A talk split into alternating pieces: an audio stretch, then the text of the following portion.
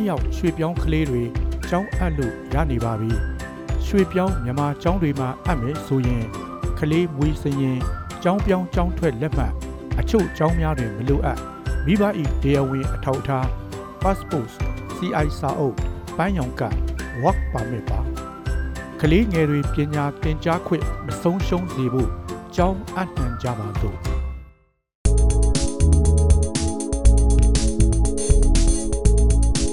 မေလ29ရက်ကနေဇွန်လ3ရက်နေ့ထိတပတ်အတွင်းတနင်္သာရီတရင်အစီအစဉ်ကို တင်ဆက်ပါတော့မယ်ခင်ဗျာဒီအစီအစဉ်ကိုဒဝဲဝတ်အဖွဲ့သားတွေကစူးစီးတင်ဆက်ထားတာပါဒီတစ်ပတ်ကတော့ဒဝဲဒေတာမှာပြစ်ခတ်တိုက်ခိုက်ခဲ့တာတွေတဲ့အလှုပ်ခတ်များတဲ့ကာလလို့ဆိုရမှာပါဒဝဲမြို့ကဝန်ကြီးအိမ်ယာကိုလောင်းလုံးမြို့နယ်ပြည်သူ့ကာကွယ်ရေးတပ်ဖွဲ့ကလက်နက်ကြီးနဲ့ပစ်ခတ်ခဲ့ပါတယ်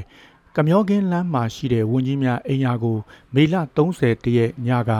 87မမလက်နက်ကြီးနဲ့ပစ်ခတ်ခဲ့တာပါ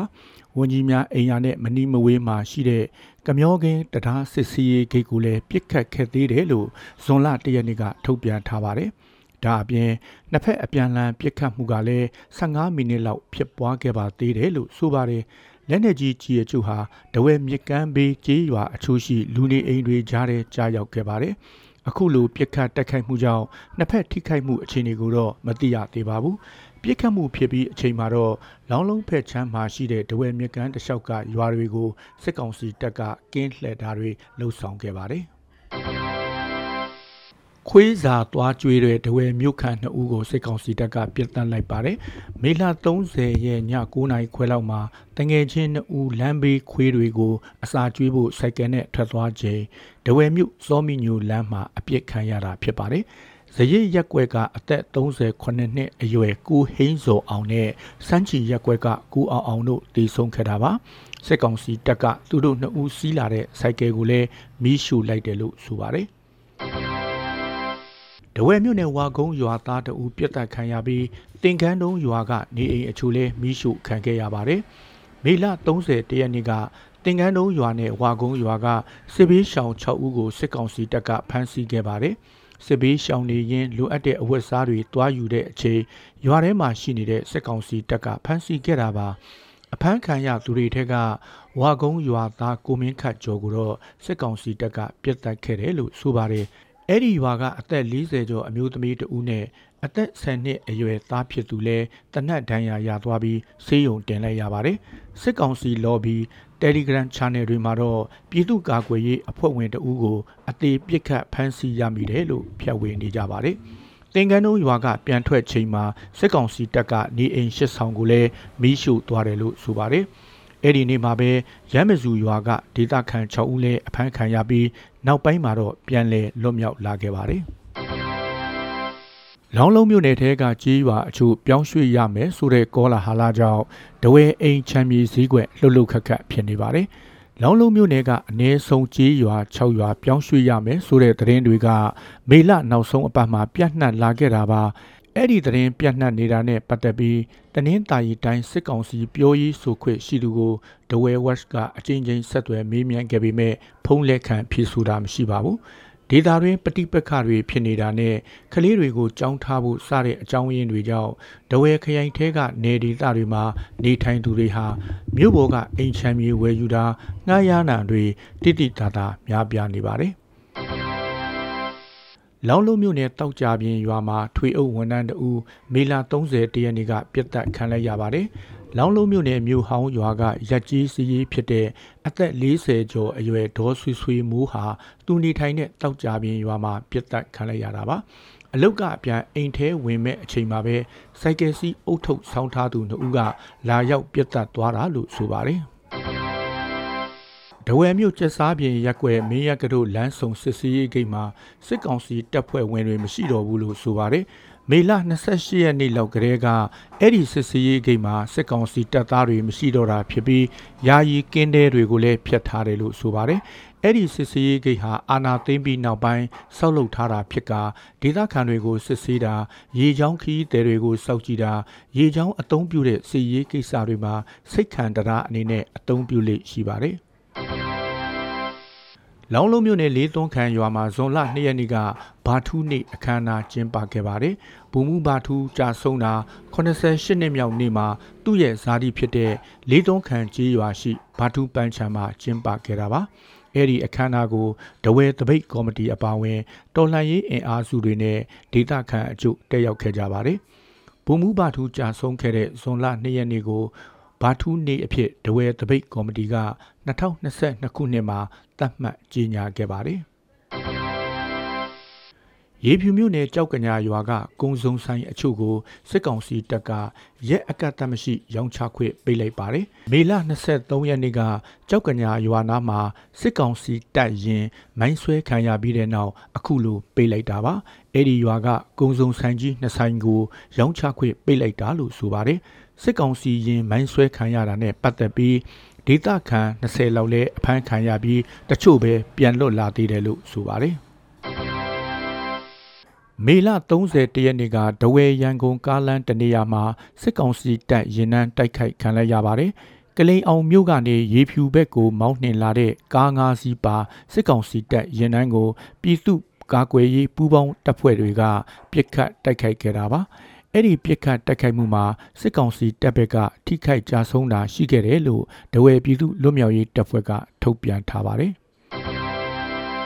တဝဲမြို့နယ်ရေဝိုင်းရွာမှာနေအိမ်နှဆောင်မီးရှို့ခံရပြီးအနီးအနားကခေါင်တိုင်ပြင်ရွာမှာတော့ဘုံကြီးကျောင်းဆောင်မီးလောင်သွားခဲ့ပါတယ်။မေလ28ရက်နေ့ကရေဝိုင်းရွာထဲကိုစစ်ကောင်စီတပ်စစ်ကြောင်းဝင်ရောက်လာပြီးနေအိမ်နှဆောင်မီးရှို့ခဲ့တယ်လို့ဆိုပါတယ်။နေ့လယ်မှာတော့ရေဝိုင်းရွာနဲ့ကပ်နေတဲ့ခေါင်တိုင်ပြင်ရွာကိုစစ်ကြောင်းထွက်သွားခဲ့တယ်လို့ဆိုပါတယ်။ အဲ့ဒီအချိန်ခေါင်တိုင်ပြင်ရွာကဘုံကြီးကျောင်းတဆောင်ဝါယာရှော့ဖြစ်ပြီးမီးလောင်ကျွမ်းခဲ့ပါတယ်စစ်ကောင်စီတပ်တွေရွာထဲဝင်လာချိန်မှုဒေသခံတွေထွက်ပြေးနေတာကြောင့်ဘုံကြီးကျောင်းဆောင်မီးလောင်တာကိုငိမ့်သက်ပေးမဲ့သူမရှိဘဲမီးလောင်ပျက်စီးသွားတာလို့ဆိုပါတယ်မေလ30ရက်နေ့ကပလောမြို့နယ်နန်းပယုတ်ရွာနာမှာစစ်ကောင်စီတပ်နဲ့ပြည်သူ့ကာကွယ်ရေးတပ်တို့တိုက်ပွဲဖြစ်ပွားခဲ့ပါတယ် ကင်းဘုံဝတ်ဖို့ပြင်နေတဲ့စစ်ကောင်စီတပ်နဲ့ပြည်သူ့ကာကွယ်ရေးတပ်မတော်အမှတ်1တန်ရင်တို့မိနစ်30အကြာတိုက်ပွဲဖြစ်ခဲ့တာလို့ဆိုပါတယ်စစ်ကောင်စီတပ်ကတိုက်ပွဲပြီးတဲ့အထိလက်နက်ကြီးအချက်ကြီးအများအပြားပစ်ခတ်ခဲ့တယ်လို့ဆိုပါတယ်တိုက်ပွဲအတွင်းနှစ်ဖက်ထိခိုက်မှုအသေးစိတ်ကိုတော့မသိရသေးပါဘူးပလောမြို့နယ်ဇရက်စိတ်ရွာကိုစစ်ကောင်စီတပ်ကနှစ်ရက်ဆက်ဝင်လာပြီးဒေသခံတွေကိုစစ်ဆေးဖမ်းဆီးခဲ့ပါတယ် မေလ28ရက်ကစစ်ကောင်စီတပ်ဝင်လာတဲ့အချိန်မှာဒေသခံ9ဦးထဲမနည်းအဖမ်းခံခဲ့ရပါတယ်။နောက်တရက်ညမှာလည်းရွာထဲထပ်ဝင်လာပြီးရှားဖွေတာတွေလှုပ်ဆောင်ခဲ့သေးတယ်လို့ဆိုပါတယ်။ပလောမြို့နယ်ကမကြီးကုန်းရွာသားတဦးမေလ29ရက်နေ့ကမိုင်းနှင်းမိပြီးတေဆုံးသွားပါတယ်။မကြီးကုန်းရွာနဲ့ကျောင်းနေရွာကြားမှာမိုင်းနှင်းမိတာဖြစ်ပြီးနေရာမှာပဲတေဆုံးသွားတာပါ။ မိုင်းပေါက်ကွဲတဲ့နေရာဟာစစ်ကောင်စီတပ်ကမကြာခဏဝင်ထွက်သွားလာလေးရှိတဲ့နေရာဖြစ်ပြီးဒေသခံတွေသွားလိမရှိဘူးလို့ဆိုပါတယ်။မေလ28ရက်နေ့ကလည်းပလောမြို့နယ်တန်းရှင်းရွာသား2ဦးမိုင်းနေပြီလို့ဒဏ်ရာရရှိခဲ့ပါတယ်။တနင်္သာရီတိုင်းမှာအခုတပတ်အတွင်းစစ်ကောင်စီကဝါဒဖြတ်လက်ကမ်းစာဆောင်ဝေငှတာတွေလှုပ်ဆောင်လာပါတယ်။အမျိုးသားညီညွတ်ရေးအစိုးရ NUG နဲ့ NLD ပါတီကိုပုတ်ခတ်ရေးသားထားတဲ့စာဆောင်တွေကိုစစ်ကောင်စီတပ်ကတနင်္သာရီမြို့နယ်မှာဖျက်ဝေခဲ့ပါတယ်။မေလ28ရက်နေ့မနေ့ကညောင်ပင်ကွင်းရွာအရှိကမ်းနဲ့အနောက်ကမ်းရွာကလမ်းသွားလမ်းလာတွေကိုညောင်ပင်ကွင်းရွာအခြေဆိုင်961တိုင်ရင်ရှိစစ်ကောင်စီတပ်သားတွေကလိုက်ဝေနေတာပါဒါအပြင်လမ်းဘေးဓာတ်တိုင်တွေမှာလည်းလက်ကမ်းဆောင်ဆောင်တွေလိုက်ကတ်ထားတယ်လို့ဘဲမလိုက်ပြောက်ကြားတပ်ဖွဲ့ကထုတ်ပြန်ထားပါတယ်။ ဒီလိုလုပ်နေတဲ့ဆိုပြီးသတင်းရလို့ပြည်သူ့ကာကွယ်ရေးတပ်တွေကတိုက်ပွဲဖော်ဆောင်ဖို့သွားခဲ့ပေမဲ့စစ်ကောင်စီတပ်သားတွေကတိုက်ရင်အပြင်ကိုမထွက်လာတော့ဘူးလို့ထုတ်ပြန်ချက်ကဆိုပါတယ်။ဖြတ်ဝေထားတဲ့လက်ကမ်းစာဆောင်တစ်ခုမှာတော့ NUG နဲ့ NLD အစွန်းရောက်နိုင်ငံရေးသမားတွေဟာခန်းစားလွယ်တက်တဲ့လူငယ်တွေရဲ့စိတ်ကိုအတုံးချပြီးတိုင်းပြည်အလုံးစုံပြတ်သုံးအောင်ဖန်တီးနေတဲ့ဆိုတဲ့အချက်အပါအဝင် အခြားဝါဒဖြတ်အကြောင်းအရာတွေကိုရေးသားထားတာပါ။ အခုလိုလက်ကမ်းစာဆောင်ဖျောက်ဝေတဲ့စစ်ကောင်စီတိုင်ရင်ကိုပြည်သူ့ကာကွယ်ရေးတပ်တွေကမကြာခဏတွားရောက်တိုက်ခိုက်လိရှိပါတယ်။ဒတဝယ်မြို့မှာလည်းမုံတိုင်းဒဏ်သစ်ရခိုင်ဒေသကိုကူညီနေတဲ့ပုံတွေနဲ့စစ်ကောင်စီကဝါဒဖြတ်တာတွေလှုပ်ဆောင်ခဲ့ပါတယ်။တဝယ်မြို့အဝင်အထွက်စစ်စီးရေးဂိတ်တွေမှာရှိတဲ့စစ်ကောင်စီတပ်ကဖြတ်တန်းသွားလာသူတွေကိုလက်ကမ်းစာဆောင်ဝေပြီးဝါဒဖြတ်နေတာပါ။ မြေပြင်မှာတော့စစ်ကောင်စီကထိထိရောက်ရောက်ကူညီတာတွေမရှိဘူးလို့ရခိုင်ပြည်နယ်ရသေးတောင်မြို့ခံတွေကပြောပါတယ်။ပြည်တွင်းပြည်ပအလှူရှင်တွေလည်းမှုန်တိုင်းဒဏ်သစ်ပြည်သူတွေစီကူညီဖို့သွားရမှာစစ်ကောင်စီစစ်စီးဂိတ်တွေကတင်းတင်းကြပ်ကြပ်စစ်ဆေးနေလို့အချိန်နဲ့တပြေးညီမကူညီနိုင်ပဲဖြစ်နေတယ်လို့ဒေတာတွင်အရက်ဖက်အဖွဲ့အစည်းတွေကမေလ29ရက်ရက်စွဲနဲ့ထုတ်ပြန်ထားပါတယ်။ မြိတ်တနင်္သာရီလမ်းမှာစစ်ကောင်စီတပ်ရင်နှန်း၃နေရာဇက်တိုက်မိုင်းဆွဲတိုက်ခိုက်ခံခဲ့ရပါတယ်။မြိတ်ဘက်ကနေတနင်္သာရီဘက်သွားတဲ့စစ်ကားလေးစီးပါတဲ့စစ်ရင်နှန်းကိုပြည်သူ့ကာကွယ်ရေးအဖွဲ့တွေကမေလ30တရက်နေ့ကမိုင်းဆွဲတိုက်ခိုက်ခဲ့တာပါ။အခုလိုတိုက်ခိုက်မှုဖြစ်စဉ်မှာစစ်ကောင်စီတပ်ရဲ့ထိခိုက်မှုအခြေအနေကိုတော့မသိရသေးပါဘူး။ မေလ26ရက်နေ့ကပလောမြို့နယ်မင်းပြင်ရွာမှာလက်နက်ကြီးကြားရောက်ပောက်ကွဲလို့အသက်2နှစ်အရွယ်ကလေးငယ်တဦးနဲ့အသက်40အရွယ်အမျိုးသမီးတဦးတေဆုံးသွားခဲ့ပါတယ်။လက်နက်ကြီးကြီးဟာမင်းပြင်ရွာရှိမွေးမြူရေးကြက်ချန်တဲ့ကြားရောက်ပောက်ကွဲခဲ့တဲ့အတွက်ကြက်စာကျွေးနေတဲ့အသက်40အရွယ်ဒေါ်ကီဂျာဝင်းလိုင်ဟာပွဲချင်းပြီးတေဆုံးခဲ့ပါတယ်။ဒါအပြင်ဘေးအိမ်ကအသက်2နှစ်အရွယ်မိန်းကလေးလည်းဒဏ်ရာရလို့ဆေးရုံတင်ပို့ချိန်မှာပဲ တေဆုံးသွားတယ်လို့ဆိုပါတယ်။ဒေါ်ကေဂျာဝင်းလှန်ရဲ့ခင်မိုးလည်းဒဏ်ရာအနှဲငယ်ရသွားတယ်လို့ဆိုပါတယ်။တနင်္သာရီမြို့နယ်လက်သစ်ရွာမှာလဲစစ်ကောင်စီတပ်ကလက်နက်ကြီးနဲ့ပစ်လို့ဒေသခံတအူဒဏ်ရာရသွားခဲ့ပါတယ်။ဇွန်လ၁ရက်မနေ့ကလက်သစ်ကြီးရွာအပါအဝင် အနီးဝန်းကျင်ကကြီးရွာ၃ရွာဘက်ကိုလက်နက်ကြီးနဲ့ပစ်ခတ်ခဲ့တယ်လို့ဆိုပါတယ်။လက်သစ်ရွာကနေအိမ်၅လုံးလက်နက်ကြီးထိမှန်ခဲ့ပြီး အမျိုးသားတအူဒဏ်ရာရသွားခဲ့တာပါ။